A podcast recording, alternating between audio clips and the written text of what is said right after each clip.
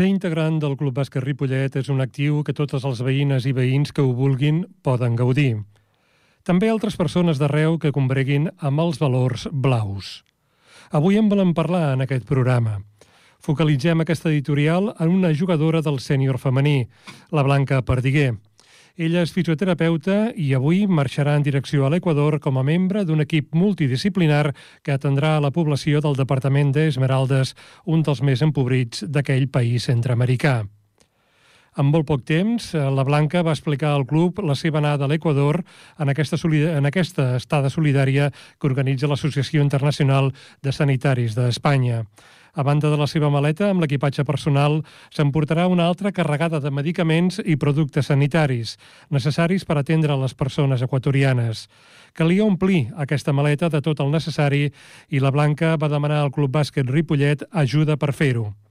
Dit i fet, en pocs dies s'ha treballat de valent, enrolant els mitjans de comunicació del municipi i aconseguint que el poble de Ripollet i arreu, tocats per la crida blava, omplissin, omplissin la maleta. Diumenge passat, la Junta del Club Bàsquet Ripollet, amb la presidenta al capdavant, Núria Gorina, va lliurar a la Blanca la maleta ben carregada d'aquests materials que faran una mica millor la vida a les persones que se'n beneficiaran. Davant d'aquest fet, només podem dir que gràcies, moltes gràcies a tothom que hi ha participat.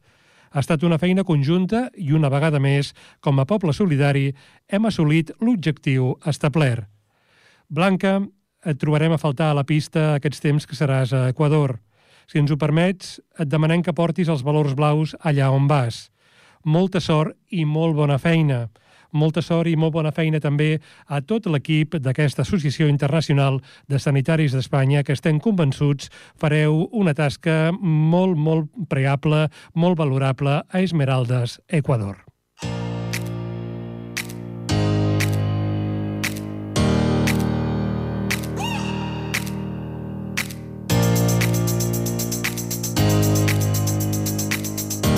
Comencem el 12è programa Cor Blau a la sintonia de Ripollet Ràdio, la ràdio municipal de Ripollet, emetent al 91.3 de la FM. Avui tenim temes diversos i variats i us els avancem en titulars. Entrevistarem d'aquí a un no res en Ricard Jiménez, que és representant del Club Bàsquet Ripollet a la comissió local de Nomenclator. Ens explicarà què s'hi fa en aquest grup de treball i quines propostes presenta el club. També tindrem oportunitat d'escoltar directament a la Blanca Perdiguer. En parlarem una mica més d'aquesta jugadora solidària que està camí de l'Equador americà, camí del centre Amèrica. Hi haurà oportunitat de conversar amb Toni Luque. Ell és de l'entitat Prout Ripollet, una associació LGTBI del poble, fundada l'any 1918, eh, perdó, 2018, eh, no pas, hem avançat una mica, 2018, que lluita pels drets i dona visibilitat al col·lectiu. El proper dia 19 de febrer és el Dia Internacional contra la LGTBI-fòbia. En parlarem d'iniciatives conjuntes que preparen el club i aquesta entitat i hi haurà l'oportunitat de conversar i saber com tenim actualment els sèniors, el sènior femení i el sènior eh, masculí. Per això conversarem amb l'Edgar Paradell, el coach del femení, i amb Raül Jodra, el coach del sènior masculí, del sènior Copa. Tot això i una mica més aquí, a Cor Blau.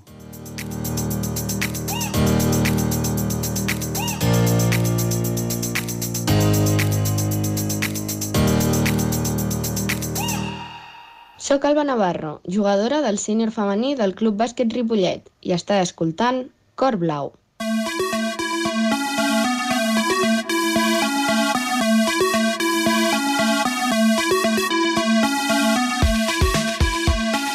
El nostre primer convidat és un home vinculat al món del bàsquet. A l'escola Sant Gabriel, bressol de tantes, tantes, eh, diguéssim, persones que han jugat a bàsquet o encara hi juguen, persones afeccionades, també al Club Bàsquet Ripollet i a tothom a qui agradi el nostre esport, al poble i allà on vagi. Primer, o el primer que volem fer eh, és dir que a ell el que li agrada especialment és gaudir d'un bon partit de bàsquet també és una persona que s'hi posa quan cal eh, per arromangar-se i donar un cop de mà perquè l'esport que l'apassiona, l'esport de la pilota, tiri endavant. Ell és el representant actualment del Club Bàsquet Ripollet a la comissió de nomenclàtor del poble. Ricard Jiménez, bona tarda. Hola, bona tarda. Escolta, eh, en Ricard, jo he dit aquí unes pinzellades eh, de la teva relació amb el bàsquet, però mm, una mica mm, focalitza. Eh, com, com i quan comença la teva relació amb el bàsquet? La meva relació amb el bàsquet pues, eh, fa molt de temps. Eh? Fa molt de temps comença... A mi sempre m'ha agradat el bàsquet, eh, especialment, jo que sé, des de que era ben petit ja el meu pare em portava alguna pista eh, de bàsquet i sí que és cert que eh, de jove era soci del Barça de bàsquet, eh? de, de, dels, dels eh, equips més grans, i és cert que quan, quan, quan les meves filles comencen a jugar és quan entro més en contacte en el món de l'esport, eh, diguéssim, més local, els clubs més petits, i, i a partir d'aquí, eh, a partir d'aquí, eh, em moc per totes les pistes de bàsquet de Catalunya, et diria, Bueno, sí, sí, diria que gairebé per totes les pistes de bàsquet de Catalunya i cada cap de setmana veig un bon grapat de partits de bàsquet. Eh? Ara es comptava, abans de venir aquí, per exemple, aquest cap de setmana passat, en directe, en directe, vull dir, estan a la pista, vaig veure set partits de bàsquet. déu nhi El cap de setmana passat, sí. déu nhi Ets a dir que ets un malalt de bàsquet ah. i, a més, i a més a més ets un d'aquells afeccionats que fas la ruta dels pavellons sí. de Catalunya. Sí, sí, sóc un tribunero de manual, eh? com, com, com diu algun amic meu. Sí, sí. Sí, sí. Molt bé. Eh, dèiem que formes part de la família Blava. Uh -huh. eh, representes el club a la comissió del nomenclàtor local. Sí. Eh, Explica'm què és aquesta comissió i, i què hi feu. Vale. Eh, bé, aquesta és una comissió que va crear, va sortir de l'Ajuntament de Ripollet, bueno, de la societat eh, civil en general, diria. Eh? L'Ajuntament va agafar, sí que és cert que em sembla que, eh, si no dic malament, un grup polític en concret, no voldria equivocar-me el nom, per tant el grup no el diré perquè no estic segur de quin és, va fer la proposta de revisar els noms de les places, carrers i altres jocs de Ripollet, eh, fer una revisió històrica, fer una, re una revisió rigorosa i, d'alguna manera, eh, també feminitzar eh, els noms del municipi i veure, ficar una mica d'ordre amb, amb, amb, amb totes, tot el nomenclàtor. Eh? Fins ara no s'havia fet aquesta feina, mai, Uh, sí que és cert que s'han anat... Uh, bueno, està, bueno, hi han sortit situacions curioses, eh? és a dir, eh, perquè fins i tot hem trobat carrers eh, que no tenen nom, eh, no, cap nom a Ripollet i ningú no, no, no, no se n'havia donat. En tot cas,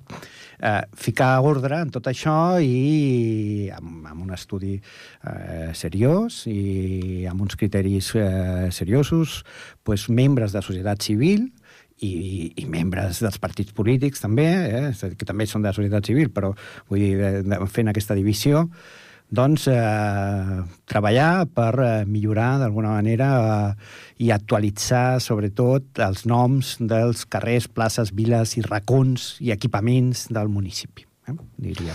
Està molt bé, està molt bé que ens hi posem seriosament, perquè malauradament eh, possiblement el Ripollet dels nostres pares, que tenia noms de, de carrers, eh, de viaranys, de turons, tot aquest, eh, tota aquesta riquesa mm. ha desaparegut, perquè Ripollet ha canviat i està bé fixar-lo eh, a través del nomenclàtor. És una bona feina la que teniu.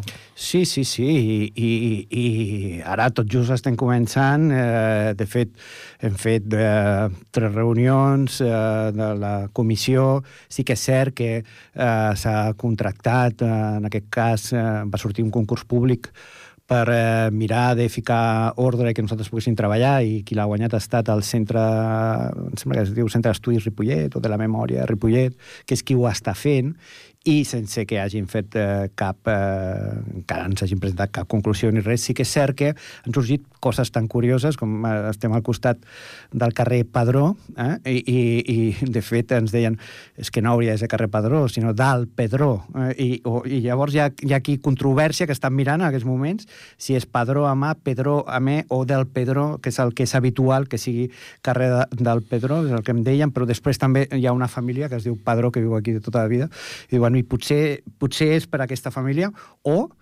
eh, curiositats que no hi hem caigut, eh, jo, jo no hi havia caigut mai, eh, fet, això m'ha sobtat molt, no? M'ha dit, no, el carrer Maragall. Què és això del carrer Maragall? Els carrers es diuen el carrer de Joan Maragall, o no, no el carrer Maragall amb el cognom només, és a dir, no sé per què algú algun dia va eh, escriure, probablement la història és aquesta, eh? algú algun dia va ficar la placa carrer Maragall perquè no li cabia de carrer Joan Maragall, i ara es diu carrer Maragall, però vull dir que no sabem eh, realment quina era la voluntat de, de qui va ficar el nom d'aquell carrer, no? I d'altres eh, curiositats. Molt bé. Eh, deien que tu representes el club, però, diguéssim, formalment, ah. tu estàs representant a totes les entitats esportives sí. en aquesta comissió. Um, hi ha interès per part de les entitats esportives per, uh, perquè l'esport, dèiem, per exemple, deia que una tasca que teniu és feminitzar el nomenclàtor, sí. uh, però vaja, suposo que també també eh, que el món de l'esport o de les glòries, entre cometes, locals de l'esport eh, tinguin presència. Tu trobes que hi ha interès o, o t'arriben inputs o demandes de les entitats? No, no, no. Eh, ens, ens enganyaríem. De, eh, de fet, eh, per arribar a ser membre del nomenclàtor va haver-hi un procés eh, electoral abans on les entitats culturals havien d'escollir el seu representant, les esportives, les eh, juvenils i, no, i les veïnals, i per entitats esportives vaig ser l'únic candidat, no? és a dir, ningú més es va voler presentar i, la, i de, el cert és que ningú s'ha adreçat a mi diem uh, cap proposta, és a dir, és trist, però aquesta és la realitat. Ei, ei, ho diem, eh? Entitats esportives, uh, contacteu sí, sí, amb en sí. Ricard i feu-li saber les vostres propostes pel que fa a nomenclàtor, eh? Sí, sí, sí, sí, tant, tant. Escolta, tu has tingut oportunitat de presentar alguna proposta en nom del Club Bàsquet Ripollet i si és el cas, explica'ns quin ha estat. Sí, sí, he tingut oportunitat de presentar una proposta eh, en nom del Club Bàsquet Ripollet i es tracta de la proposta. Nosaltres aquí tenim uh, una jugadora de bàsquet uh, internacional, uh, que és la Lucila Pasqua, uh, internacional, amb, amb, amb un palmarès uh, de rècord. És a dir, jo, jo el palmarès, eh, et diré el mateix que vaig dir a la Comissió del Nomenclàtor quan vam presentar aquesta proposta. Eh? Nosaltres vam, vam, vam dir el palmarès el podeu trobar a Wikipedia. És a dir, no, jo, jo, si voleu us el dic, eh, tres Jocs Olímpics, eh, eh, medalla de, de plata, si no ho dic malament, eh, del, del Congrés dels Diputats. Eh, bé, eh, moltes medalles internacionals. És la màxima rebotejadora de la Lliga Femenina 1 en aquests moments, encara. Està en actiu. Ha jugat 19 temporades a Lliga Femenina 1. També ha jugat a l'estranger. Eh, interna... És la segona jugadora més internacional després de Laia Palau és, un, eh, és un tòtem del bàsquet i la presidenta de l'Associació la, de, de Jugadores eh, Professionals de Bàsquet és, és una jugadora amb un currículum esportiu de reconegut prestigi, però més enllà del reconegut prestigi del currículum esportiu, també, humanament, és una persona eh, molt estimada al món del bàsquet. Tothom eh, en parla molt bé, és una jugadora molt vinculada al poble, molt vinculada al poble. Jo, jo això eh, m'agrada dir-ho. Ella sempre que ve aquí, perquè en aquests moments, eh, al llarg de la seva carrera, ella ha jugat, eh, òbviament, a tants clubs diferents que ha viscut eh, poc a Ripollet, però sempre que ve eh, a Barcelona, ella ve aquí, ve a, ve, ve a Ripollet, està aquí amb la seva mare, és on té ella el seu domicili. És molt fàcil veure-la en un eh, supermercat comprant i com que es distingeix, sempre tothom diu això sí, noia, això sí. una noia més tan alta. Doncs, doncs sí, sí, sí. sí ella, ella té una, una anècdota molt curiosa que sempre, ella sempre ho diu, diu, diu jo sempre he sido alta.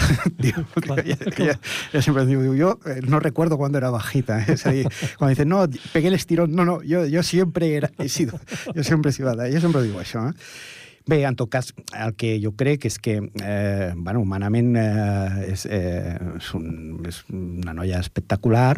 Ja després, i vull dir-ho, eh, ja després de guanyar, és membre de l'equip que guanya la medalla eh, d'argent de, de Rio, eh, de, dels Jocs Olímpics de Rio, i ja després de guanyar-la, doncs d'alguna manera totes les seves companyes, ens adonem, eh, això és així, que totes les seves companyes d'aquella selecció tenen al seu municipi totes, vull dir, totes sense excepció, alguna plaça, algun carrer, algun poliesportiu, alguna cosa amb el, amb el seu nom, excepte ella. Eh? I ja eh, en aquell moment eh, l'Ajuntament eh, comença a treballar amb la idea de cercar algun espai que li poguessin ficar el seu nom, etc etc. Eh, sorgir la comissió del nomenclator o del nomenclator és, és el moment, és el moment on és el lloc on, on hem de hem, hem, on hem elevat aquesta proposta. De fet, la nostra proposta era eh, s'ha variat, era originalment el Club de Bàsquet Ripollet era canviar el nom del poliesportiu de Ripollet per al de complex esportiu Lucila Pasqua, aquesta va ser la nostra proposta, va semblar als, als, als companys de la comissió eh, va semblar que potser eh, no hi havia... El, el, el poliesportiu de Ripollet eh, no estava suficientment identificat amb el món del bàsquet com per portar el seu nom, i llavors eh, eh vam proposar-nos, i així s'ha quedat, eh, vam proposar-nos la possibilitat de que el futur pavelló, que s'està eh, en fase molt inicial, molt a les baceroles, eh, però que s'està en aquest moment dissenyant al municipi, passi a portar el nom de Lucila Pasqua. És un acord de la comissió, ja és un acord ferm, Llavors, en l'última reunió eh, de la comissió ja es va decidir com podíem portar a terme aquesta, aquesta idea de manera immediata, per tal de que el dia que el pavelló estigui fet ja, no, ja, ja tingui el nom. Eh? I ja s'ha acordat de que properament el ple de l'Ajuntament aprovarà una moció. La veritat és que eh, es, es van oferir tots els grups polítics, tots sense excepció, a que fos ja aquest ple, el, el ple del mes de febrer, Eh, que passa que vam ser nosaltres, des del Club Bàsquet Ripollet, els que vam dir que eh, potser estaria bé, que ja no vindria d'un parell de mesos, tres, i poder esperar a finalitzar la temporada, perquè en aquest ple, que on s'aprovi això, pugui estar ella també present, la seva família, i pugui gaudir també gent del món del bàsquet que ha treballat molt, que, que, que em consta que ha treballat molt al costat seu, eh, doncs pugui estar present. No? I en principi això ja està tirat endavant. Perfecte, doncs una molt bona feina que esperarem en Candeletes que arribi el dia mm. per poder celebrar doncs, que es faci justícia amb la, amb la Lucila Pasqua, eh, una bona amiga d'en de, Ricard. Escolta'm una cosa, parlem, si ens permets, eh, d'una activitat que t'ha vinculat també especialment al bàsquet. Eh, aquesta passada, passada temporada, no l'actual, la passada temporada, sí. amb tota la Covid, eh, vas veure doncs, una mica enrolat en una iniciativa del Club Bàsquet Ripollet de fer mhm. -huh. el bàsquet, els partits del sènior, a través d'internet. I, I juntament amb en Gerard López sí. eh, es va posar al capdavant de les retransmissions sí. del bàsquet a través d'internet. Sí. Um, com, com, com va anar tot això i, i com, com t'hi vas trobar? Eh, jo m'ho vaig passar de conya. Eh? I, això, això vaig per davant. Com m'hi vaig trobar? M'ho van proposar m'ho va proposar, em van, em van trucar els membres de la Junta en aquell moment, eh, la Rebeca, fonamentalment, que era la persona que estava bastant darrere d'això, i amb en Gerard no ens coneixíem, i ells havien fet ja una, una primera transmissió una, on, on havia estat el Gerard Sol i s'havia cansat molt, és a dir, eh, no parava de parlar, va parlar tota l'estona, llavors va dir, aniria bé que hi hagués algú d'altre que d'alguna manera fes uns comentaris més, més tècnics, ell faria la figura del, del que és el narrador, el locutor, i jo faria més la figura dels comentaris més tècnics per donar-me una mica de descans. Jo de seguida vaig agafar doncs, el repte, em va, em va agradar molt, i la veritat és que ens ho vam passar molt bé. Jo m'ho vaig passar molt bé fent aquests partits. També era una època difícil, vull dir, a nivell basquetbolística. Eh, veiem post partits de bàsquet en aquells moments. Jugaven molt pocs equips i, i bueno, poder fer-ho va estar molt bé, sí, sí.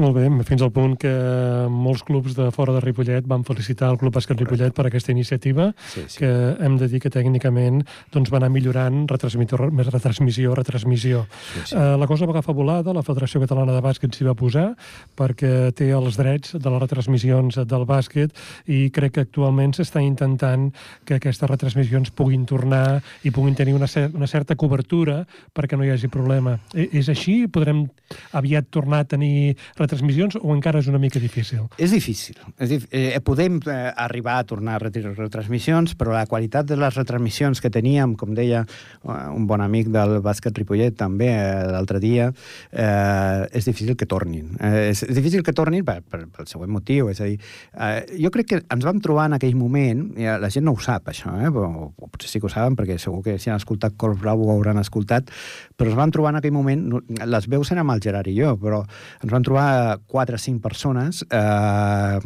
que treballàvem molt i treballàvem molt pel, per, perquè sortís aquesta retransmissió. Una persona fonamental era el Toni Brualla, que era la persona que estava darrere eh, d'aquestes retransmissions, que venia eh, cada setmana i ens deia, ei, ara he pensat que podem fer entrevistes amb un croma que tal. Ara he pensat que podem fer replays. Ara, i, i ho feia possible tècnicament i dedicava moltes hores. Ell hi dedicava moltes hores, també el Sergi, el Sergi Pérez hi dedicava moltes hores, el Marc Pérez dedicava moltes hores, la Rebeca dedicava moltes hores, hi havia molta gent que dedicava moltes hores. Nosaltres també, jo eh, ho he de dir, és així, dedicàvem moltes hores a preparar els partits, a veure l'equip rival, a, de fet, darrere d'una retransmissió d'aquelles, eh, jo acostumava acostumava habitualment a trucar sempre a, la, a alguna persona aquella setmana de l'equip rival, fos l'entrenador, fos el delegat, fos qui, qui em diguessin, i em donava una mica quatre pistes de com jugaven, de com... És a dir, hi havia molta feina darrere que crec que serà difícil que, que pugui tornar-se a donar, perquè també hi havia tanta feina darrere, perquè era un moment, en, com et dic, on, on no hi havia molt bàsquet, i llavors eh, bueno, ja ens agradava i ens centràvem i ho fèiem jo crec que serà difícil. Es poden, poden tornar les retransmissions, però el nivell de qualitat que vam aconseguir Uh, bueno, ojalà, no? Ojalà, Molt però... Bé. Sí. Molt bé. Uh, creuem els dits i esperem que la segona part d'aquesta història sigui millor que la primera. Com a mínim, com la primera. I si és millor, millor. Escolta, ja per acabar, perquè tenim més continguts en el programa, um, com veus el present i el futur del club ara que torna a la... Estem competint, els diversos equips, uh, hem fet 90 anys, uh, som a, ja al 91. Com veus uh, el Club Bàsquet Ripollet? Crec que és un moment de creixement eh, molt maco. Fa molts anys que jo sóc soci del Club Bàsquet Ripollet. Malauradament, últimament eh, ens movíem amb, amb uns equips, eh, amb un nombre d'equips molt limitat. Crec que estem en un gran moment, crec que esportivament eh, hem donat un gran salt de qualitat amb, el, amb la figura aquesta que tots eh, estàvem cercant d'un coordinador esportiu. Crec que la feina que està fent l'Oriol en aquests moments de Miguel s'està notant i s'està notant al present, esportivament parlant, els equips eh, doncs, eh, veig que eh, estem millorant, estem jugant bé. Sèniors a banda, els sèniors ja venien jugant molt bé, els sèniors eh, As ja venien jugant molt bé i ja ho venien fent molt bé.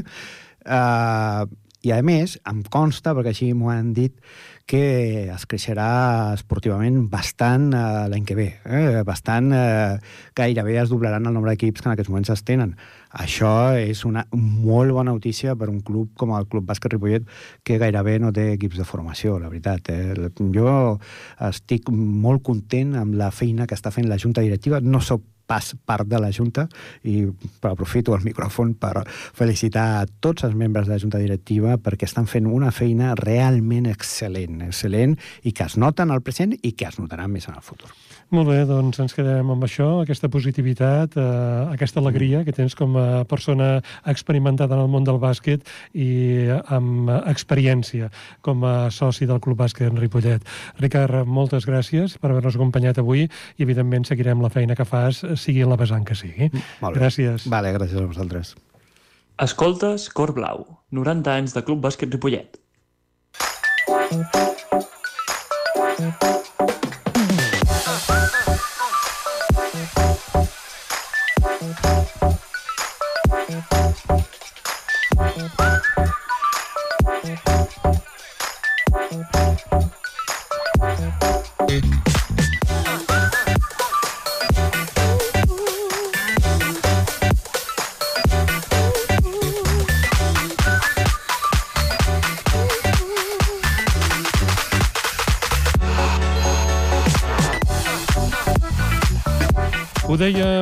Principi, diumenge passat, una representació de la Junta del Club Bàsquet Ripollet amb la presidenta, la Núria Gorina, al capdavant, va lliurar a la jugadora del sènior femení, la Blanca Perdiguer, una gran maleta plena de medicaments i material sanitari que, hores d'ara, si tot ha anat com ha anat, que esperem que sí, eh, doncs està fent un viatge cap a l'Equador, cap a la zona d'Esmeraldes, on la mm, Blanca doncs, eh, treballarà durant un mes i mig, treball voluntari, fent un programa de suport solidari. Eh, durant els darrers dies, aconseguir aquest, mm, aquests medicaments, aquest material, ha estat una tasca que ha fet moltíssima gent. El Club Bàsquet Ripollet s'hi va implicar i, a més a més, mitjans de comunicació i la població en general. Blanca i el Club Bàsquet Ripollet, com no podia ser d'una altra manera, s'han mostrat molt satisfets per la gran resposta solidària a la crida feta a la població. Nosaltres hem tingut l'oportunitat de parlar amb la jugadora que ens explica inicialment aquesta acció solidària, una acció anual que organitza l'Associació Internacional Sanitaris d'Espanya. La campanya que fem és la campanya sanitària anual, que la fan una vegada a l'any i normalment és per aquestes dates. Eh, després també hi ha projectes més petitons, això que són les microcampanyes que tu has vist, però aquesta és la campanya sanitària anual. I es va un mes i mig eh, a Equador, a diferents zones eh, rurals. Eh, som diferents grups, cada grup eh, va a una zona diferent a fer una tasca sobretot de promoció i prevenció de la salut, o sigui, coses que per nosaltres són tan senzilles com la higiene de mans, prevenció de la CTS, tot això, eh, per ells a zones rurals pues, encara viuen com amb, amb desenvolupament, no? I són coses per nosaltres superbàsiques, però per ells encara eh, estan, estan en vies d'evolució, de, també tenen maneres de pensar molt més antigues, els rols de gènere, tot això. La seva estada solidària es farà al Departament d'Esmeraldes, que està situat al nord de l'Equador i també, malauradament, és una de les zones més pobres d'aquest país. Nosaltres, al final, com anem a zones rurals, a zones que són més, més pobres, jo en concret ens toca la, la zona d'Esmeraldes, de, que és una zona de les més pobres, és eh, la zona nord d'Equador, que és eh, territori afroequatoriano, i llavors pues, bueno, hi ha els índexs de progressa i també pues, tot, el que pugui, tot el que puguem recaudar pues, per als nens, eh, jo que sé, allà per exemple amb un globus pues, els nens eh, fan mil coses, es diverteixen, tot el que puguem recaudar també a nivell per ajudar els, els infants pues, també és benvingut. Al final la campanya és eh, sobretot eh, mèdica per donar mm, atenció a zones on, on no hi ha tant accés a la sanitat, però també fem, pues, bueno, l'ho dit, tasques de, de promoció de la salut, d'higiene i, i, i al final també no deixa de ser un intercanvi cultural. Hem volgut saber què és el que motiva a la Blanca Perdiguer en participar en aquest tipus d'accions. De fet, és la tercera de caire internacional que du a terme la jugadora del Club Bàsquet Ripollet. Bueno, a mi sempre m'ha agradat molt fer el tema del voluntariat, o sigui, és una cosa que, que m'agrada i que faig tant a nivell local, si puc, com a nivell internacional. Òbviament, a nivell internacional jo crec que és una manera també de conèixer molt més la cultura eh, d'aquell país, d'endinsar-te en el seu món, de saber com realment funciona aquell país i afrontar les problemàtiques que tenen pues, d'una manera més, més propera, no? I això és el que m'agrada a mi del, del voluntariat internacional, que és una manera de de viatjar, però coneixent i ajudant realment a, al, al lloc on vas. Com dèiem, la Blanca viatja cap a l'Equador. Bon vol, Blanca, i bona feina al país centreamericà.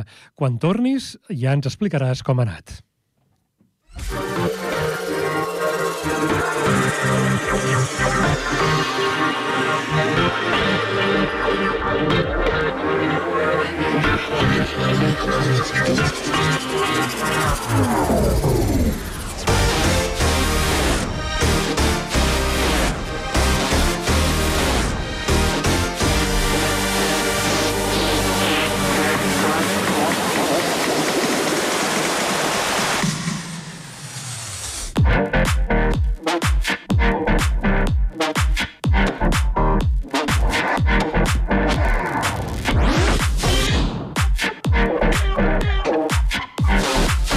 El dia 19 de febrer s'escaurà el Dia Internacional contra la LGTBI-fòbia, una jornada per informar i visibilitzar les situacions de discriminació, rebuig i, malauradament, atacs personals per les que passen moltes persones, simplement per voler viure i estimar lliurement, com senten, com són.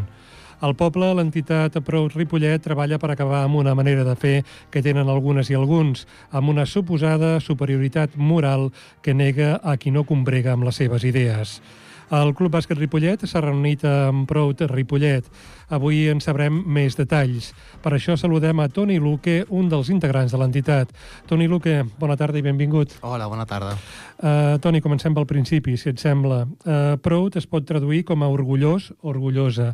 És aquest el sentit que heu volgut donar al vostre nom? Sí, exactament. Eh, quan es va fundar l'entitat, eh, pensant noms, eh, ens venia al cap eh, tot el, el tema d'orgull i tal, i bueno, una miqueta per, per fer-ho més atractiu doncs vam optar per, per la paraula anglesa. Però sí, és, és eh, orgull, orgulloses, orgullosos i orgullosis. Molt bé, perfecte. Escolta, aprofundim en la vostra entitat. Uh, què és Prou de Ripollet i, i què feu al poble?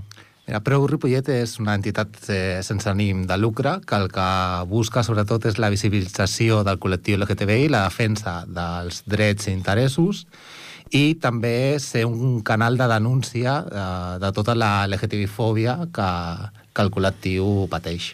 Uh -huh. uh, sou una entitat molt activa, especialment uh, a les xarxes socials, teniu una destacada presència. Uh, entenc que és una manera de visibilitzar i sensibilitzar una realitat, uh, que les persones puguin viure com vulguin, com són, com desitgin, no? Sí, això mateix. Eh, bueno, de fet, al, al començament de, de l'entitat eh, anava pel camí de, de ser un canal informatiu, per això tot el tema de, de xarxes socials i tal això ha derivat en, en que l'entitat ha agafat cos, s'ha incorporat gent nova i hem començat a fer actes a, al carrer, però sense deixar uh, el tema de xarxes, perquè creiem que és, és, bueno, és, és un canal que, que dona molta visibilitat i, i fa el poder accedir a, a altres entitats, a, no sé, el que sigui clubs, per exemple, o no sé. Uh mhm. -huh. Això està bé que, que diguessin que el poble, sou part del poble, això és innegable, uh, tots i totes, tots i formem part de, de la ciutat, del, del poble, i evidentment uh, ningú n'és rebutjat, tots uh, fem possible uh, a Ripollet, això està clar. Escolta, uh, com tu mateix ho comentaves, uh, també feu actes a la ciutat, també participeu d'actes a la ciutat. Aquesta visibilitat, aquesta, aquesta presència, uh, fa que la ciutadania accepti la diversitat, eh, o si més no, comenci a acceptar-la, perquè això suposo que ha d'anar per franges d'edat, per formació, potser per creences...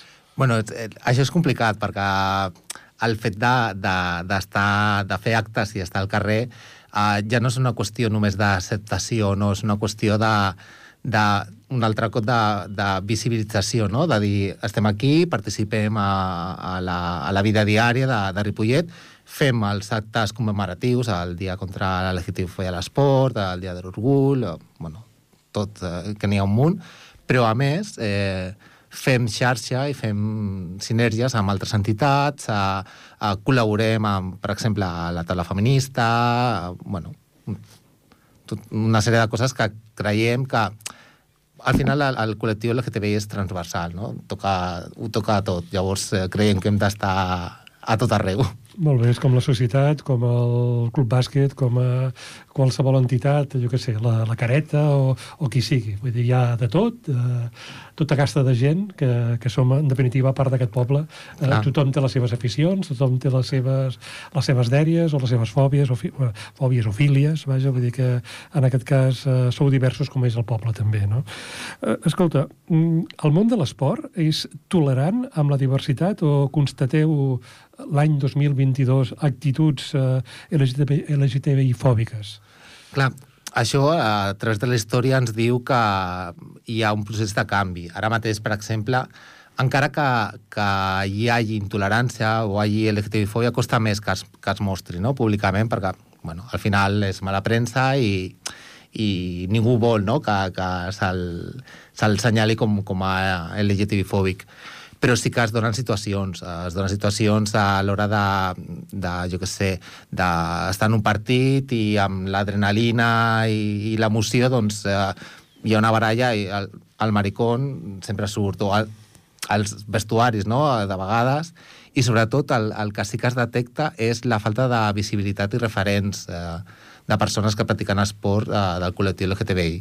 Sembla com que potser en, el, en la vessant de, de l'esport femení sí que està una miqueta més visibilitzat, suposo que també influeix la, la lluita feminista, però en, en la part masculina uh, quasi no n'hi ha, i els que hi ha solen ser esportistes que ja no estan en actiu, no? Que, no, que no estan eh, fent eh, la seva feina en aquell moment. Uh -huh.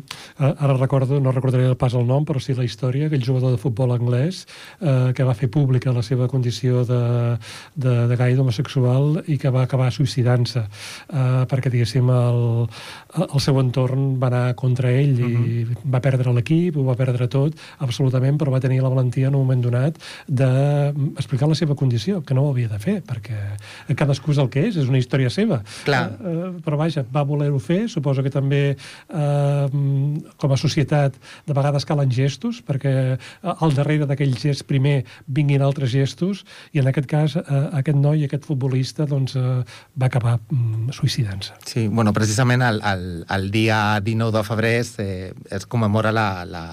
es va marcar aquesta data per, per la mort de... La, bueno, el suïcidi, no?, d'aquest futbolista. D'aquest jugador. Sí. Molt I bé. també eh, Bueno, no, perdona, continua. No, no, no, no que, que, que està bé, vull dir que, que cal, cal visibilitzar doncs, aquesta realitat. Eh, tinc entès que més o menys un 10% de la població eh, pot ser gai, lesbiana, poden tenir mm -hmm. orientacions sexuals diverses, les que vulguin, i evidentment, és clar, ni que sigui percentualment, per matemàtiques, a, a tots els clubs doncs, hi, hi ha una part de la gent doncs, que té orientacions, o tots tenen orientacions sexuals, les que volen, però, diguéssim, encaixarien potser en el, el que serien homosexuals, homes o dones, hi hauria un percentatge de clar, persones. Per, per això sorprèn no? que, que no, no hi hagi eh, referència en això. També eh, s'ha de fer un treball previ, no? O sigui, donar un espai de seguretat, de donar bueno, això, no? A, afavorir a que la persona, si vol, que ningú està obligat, obligada a fer-ho, però eh, que si vol donar aquest pas doncs estigui, bueno, que, est que estigui recolzat, no? O sigui, que no es trobi amb, amb això que comentàvem, que ho perds tot, no? Perds uh, l'equip, eh, les amistats, uh, bueno, Uh -huh. ja Fins i tot, eh, ara recordo, el rebuig de la seva família i arribar a la solució extrema que, evidentment, no s'asitja uh -huh. uh, per ningú. Uh, deies això, vull dir que s'ha de fer un treball previ, s'ha d'informar, i vosaltres uh, heu decidit parlar amb el Club Bàsquet Ripollet uh, i heu fet reunions uh, per treballar tots aquests temes i d'aquí n'han sortit algunes, algunes activitats. Uh, Explica'ns què heu decidit fer. Bueno, una miqueta és en la línia precisament de la, de la visibilitat, no? El, el, creiem que Ripollet eh, és un referent esportiu, vull dir, abans ho parlàveu, no?, de la Lucía i tal, vull dir, que, que tenen esportistes de, de molt renom a nivell internacional, fins i tot. Llavors, creiem que el fet de, de que els equips o els clubs esportius de, de Ripollet eh, donessin visibilitat, no? Uh, bueno, una miqueta la, la línia eh, que hem començat a, a, amb el club de bàsquet és eh, bueno, aportar uns braçalets amb, amb la bandera de la, de, de, de, de l'Arc de Sant Martí, perdó. Eh, fet que eh, donarà, no? o sigui, tota la gent que, que acudeixi als partits veurà que el club de bàsquet eh, està en contra de la LGTBI-fòbia i eh, s'intentarà el, el, el que no es donin situacions eh, bueno, de, de, de violències con, contra el col·lectiu, no? que, que les persones, tant públic com, com que estiguin jugant, sentin que, bueno, que el, que el club de bàsquet doncs, dona suport al, al col·lectiu. Uh -huh. I a més a més, si no estic mal informat, eh, també hi ha previst alguna xerrada sí. eh, i altres activitats de, com a mínim, facilitar la informació a la família de bàsquet, del bàsquet, a qui vulgui assistir en aquestes xerrades. Clar, al final eh, és, és el que parlàvem, no? Eh, les realitats són, són molt diverses i el fet de tenir eh, un equip tècnic, una junta directiva i fins i tot a la, les persones que, que estan a l'equip formades i amb nocions no, de, de què és LGTBI-fòbia, eh, identitat de gènere, orientacions, doncs propicia això, no? el, el fet de, de que no es donin aquest, aquestes situacions. Uh -huh. Jo no sé si posarem un compromís, eh, però a Ripollet hi ha una llarga tradició i a més a més tenim un important nombre de clubs esportius. Eh, detecteu vosaltres que els, els clubs esportius doncs, us fan costat, us entenen, eh, vaja, entenen la diversitat, eh, heu trobat cap focus, bah, potser no, no, no em posaràs noms i cognoms, si fos el cas, però eh, crec que és un poble, diguéssim, que respecta bastant la diversitat. Sí, la, la veritat és que no, eh? Am, eh, hem intentat eh, eh, contactar amb totes les, les entitats esportives i clubs i les que han donat resposta, per, aquí també hi ha una miqueta bueno, l'operativa de, de cada club, no? De, de vegades un- una no resposta no és un no, sinó simplement doncs, que s'ha passat el mail o el que sigui. Però la veritat és que totes les, eh, tots els clubs que han, que han contestat han dit que sí, superemocionats, eh, volen xerrades, volen formació... Vull dir que la veritat és que en aquest aspecte, per ser la primera vegada, estem, estem molt contents. Perfecte.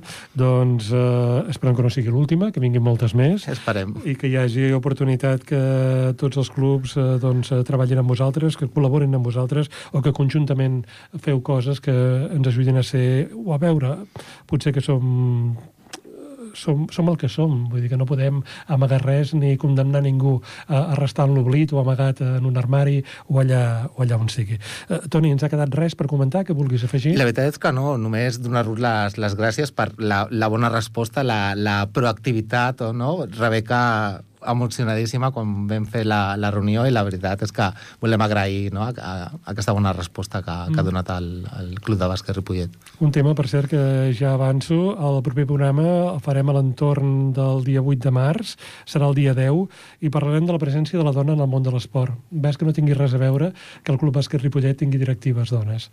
Bueno, per eh, exemple. És, és, és un canvi que s'ha de fer, el, el, el treure aquesta masculinitat de, de, de, de llocs que, bueno, que, que s'ha de repartir. Molt bé, doncs, eh, Toni Luca, moltes gràcies. Toni Luca de. Prot, Ripollet. Eh, en parlarem i comentarem aquestes activitats que es preparen, com que els equips, els capitans, les capitanes duguin aquest braçalet amb els colors de l'Art de Sant Martí i xerrades i altres propostes que puguin sorgir.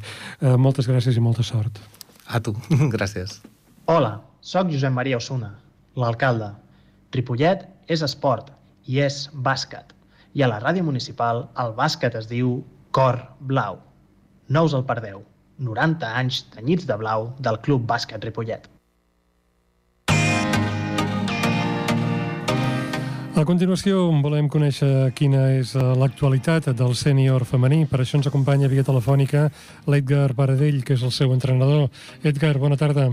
Bona tarda, Jordi, com estàs? Doncs bé, aquí davant del micro i esperem que tu també estiguis bé i les eh, noies, les dones del sènior femení també ho estiguin. Escolta, el diumenge passat vau encaixar una derrota, una derrota amb un marcador molt ajustat. Eh, com ha encaixat l'equip eh, aquesta derrota? Bueno, la veritat és que va ser una derrota que, que no ens l'esperàvem a nivell grupal, vull dir, la feina setmanal des de ja fa molt de temps eh, pensem que, que és molt bona, estan treballant molt bé, però bueno, l'altre equip també juga i les coses no sempre surten com, com una mateixa vol i, i no, no sortien. Les coses no sortien, elles van estar més ficades al partit que nosaltres i, i al final doncs, no vam poder treure el partit tot i que vam fer un sprint final. Però bueno, a nivell d'afectació realment no n'hi no ha hagut. Jo sí que estava potser una mica preocupat al principi per si bueno, per, per la reacció de l'equip després de perdre contra un equip que a priori no has de perdre, però bueno, el, hem fet ja dos entrenaments i els dos entrenaments realment el, el llistó encara ha sigut millor, eh, s'han pres la, la derrota com, com un objectiu més de, de seguir treballant, així que, que zero preocupat, per sort. Molt bé, aquest diumenge us toca la visita al Francesc Berneda del CEP Sant Jordi. Eh, mirant eh, el taulell classificatori, que crec que no és massa bon conseller, però vaja, el que diuen els números és que les rubinenques són un equip assequible pel Club Bàsquet Ripollet. Penses el mateix? Eh, la veritat és que, vist lo vist, eh, no. La veritat és que no, per, per dues coses. Un, perquè la setmana passada ja vam tenir un equip que a priori també havíem de guanyar eh, amb, segons la classificació i, i no va ser així. I també doncs, perquè el partit d'anada ens va costar molt. Eh, va ser un equip molt rocós, molt lluitador. Eh, des del minut 1 ens van exigir moltíssim tant en defensa com en atac i al final, doncs, després d'anar tot el partit perdent, a l'últim minut i mig, vam fer un sprint final i aquesta vegada sí que va sortir cara i diria que el vam treure d'un punt o, o de dos, així que, que no val, no val abadar i, i hem de tenir molt, molt en compte que cada partit ara és superimportant. Concentració màxima i, com deia aquell filòsof del futbol, partido a partido, i, i ja anar fent. Exacte. Escolta, aquests darrers dies l'equip ha tingut una novetat i és que us ha deixat una jugadora, la Blanca Perdiguer. Eh, com, com us ha afectat aquest fet? Bueno, eh, aviam, hem de ser realistes i, i la baixa de la Blanca ens ha, fet, ens ha fet molt mal perquè és una jugadora única en el nostre equip i única a la categoria. És un exemple de treball, és un exemple de sacrifici, eh, és una jugadora que sempre pensa en l'equip i bueno, no, no hi ha tantes jugadores que, que vinguin i es deixin al, al 300% dia a dia, estigui lesionada, estigui refredada, estigui com estigui, vingui de treballar 12 hores, i això ho feia la Blanca. Sí, la Blanca ens donava aquest punt de, de treball que ens ajudava a, a, a connectar-nos totes, m'explico. Però bueno, eh, hem tingut la sort de, de que hem fitxat una altra jugadora que ja està en dinàmica amb nosaltres des de fa un mes, mes i mig, més o menys. Quan vam saber que la Blanca marxaria vam, vam contactar amb, amb diverses jugadores i la que més s'ajustava al, al perfil que buscàvem i també ja la coneixia l'equip i pensàvem que és la jugadora que més ens podia portar, doncs, bueno, vam fitxar la Clàudia, que va debutar l'altre dia, pobra, amb, amb una derrota, però realment el, el partit que va fer va ser molt bo i, i és una jugadora que, que té molt talent, que té visió de joc, que té, té molt bona mà i, i és una jugadora molt intensa que, que esperem que ens doni moltes coses també. Molt bé, m'has, uh, entre cometes, en la resposta a la següent pregunta, però ja, ja està bé, el relleu de la Blanca. Uh, no, no hi havia possibilitat que cap júnior femení pogués eh, cobrir aquesta plaça o potser és massa d'hora perquè puguin fer aquest salt? Aviam, aquí hem tingut dues coses.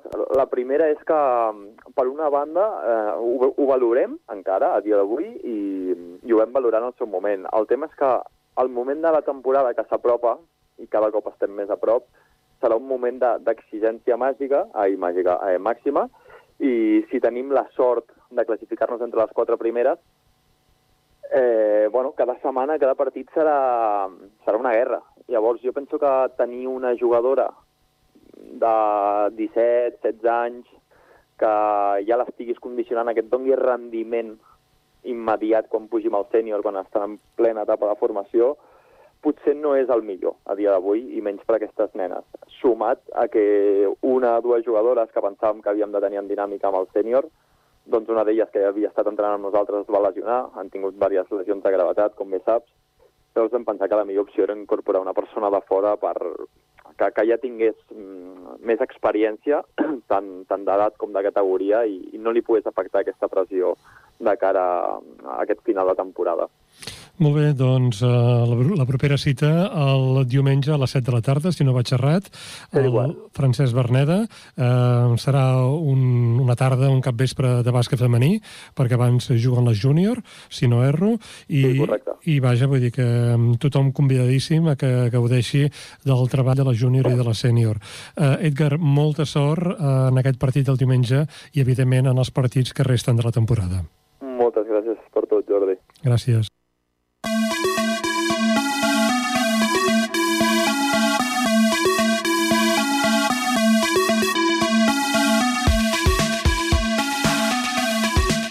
És el moment de conèixer com tenim el sènior masculí, tenim el seu coach, en Raül Jodra.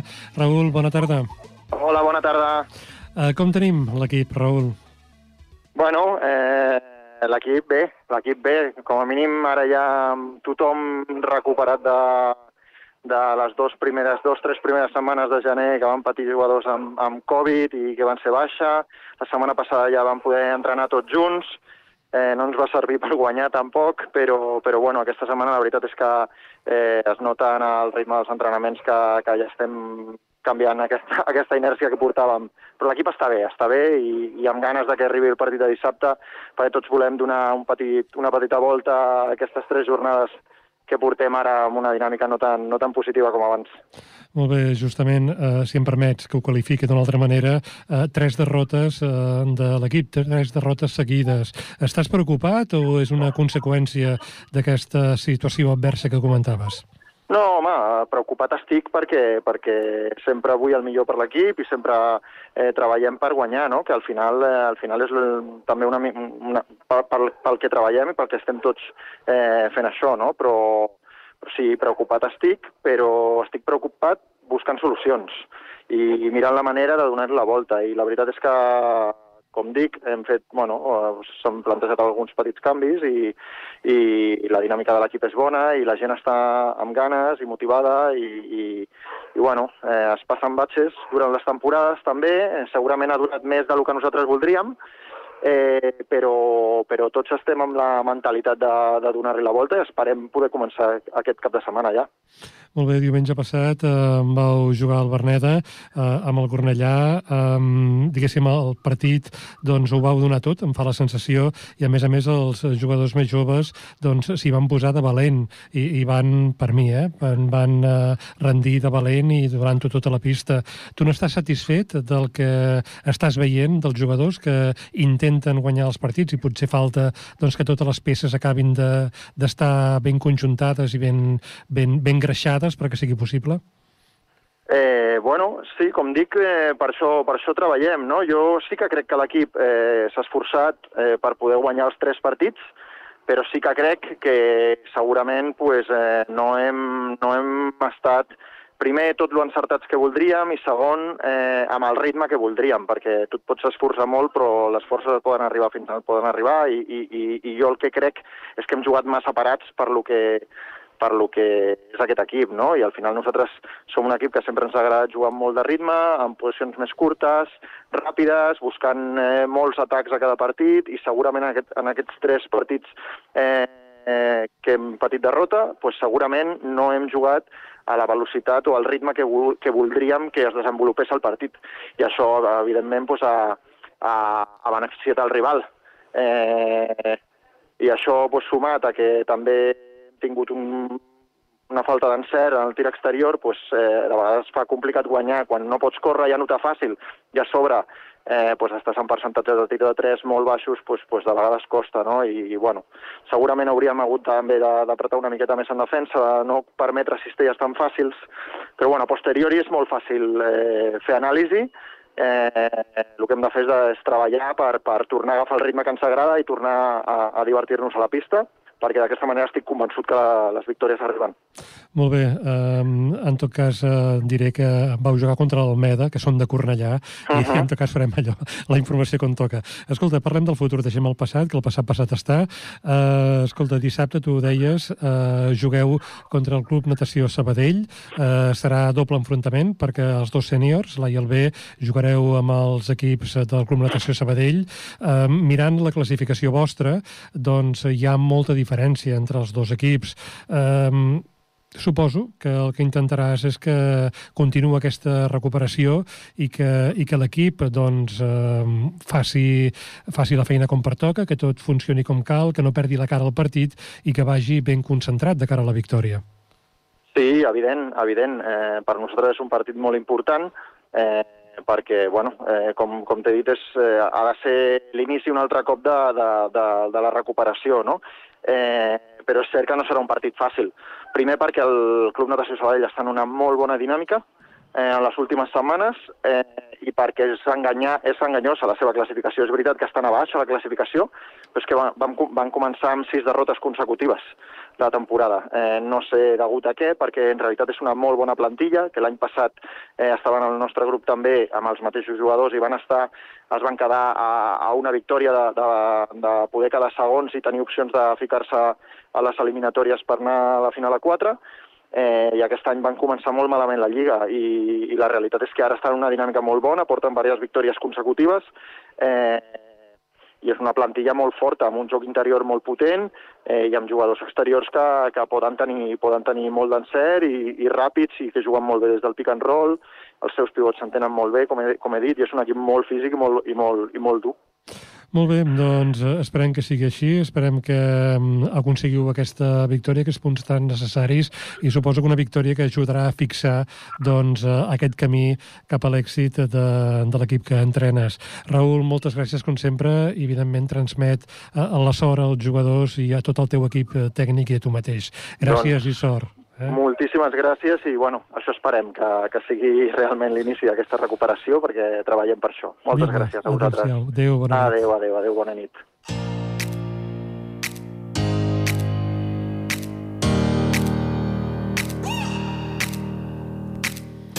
Nosaltres eh, marxem, s'acaba el Cor Blau. Aquest programa que hem fet avui es repetirà el dissabte, dia 12 de febrer, a partir de les 6 de la tarda i a la sintonia de Ripollet Ràdio, al 91.3 de la FM.